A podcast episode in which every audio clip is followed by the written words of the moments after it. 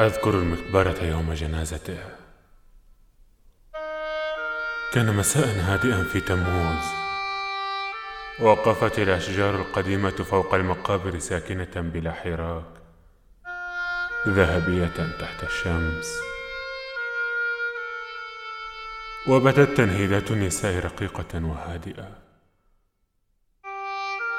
وفي نفوس الكثيرين حينها كانت الحيرة عميقة. وغادر الجميع. غادروا ببطء وهدوء.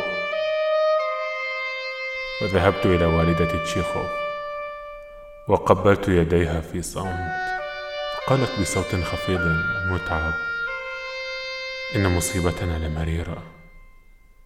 لقد مات أنطوشا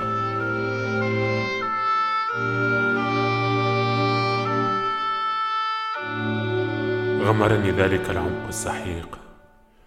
لتلك الكلمات البسيطة العادية شديدة الشبه بكلمات تشيخوف. وقد أظهرت وراءها الهاوية الهائلة للخسارة وطبيعة هذا الحدث العظيم الذي لا يمكن تغييره.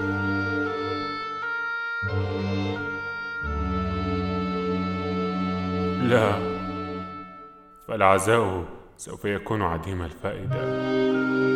فهل يمكن أن يخفف حزن هؤلاء الذين اقتربت روحهم من تلك الروح العظيمة؟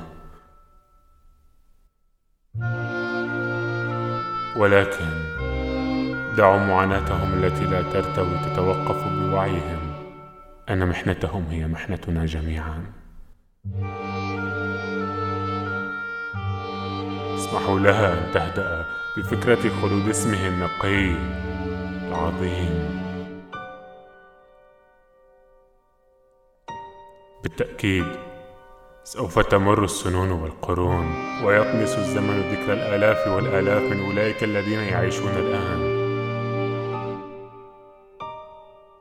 ولكن الأجيال القادمة التي كانت شيخوف يحلم بها بحزن آسر سوف تذكر تلك الأجيال سوف تذكر اسمه بامتنان وسوف يحزنون سوف يحزنون بصمت لمصيره.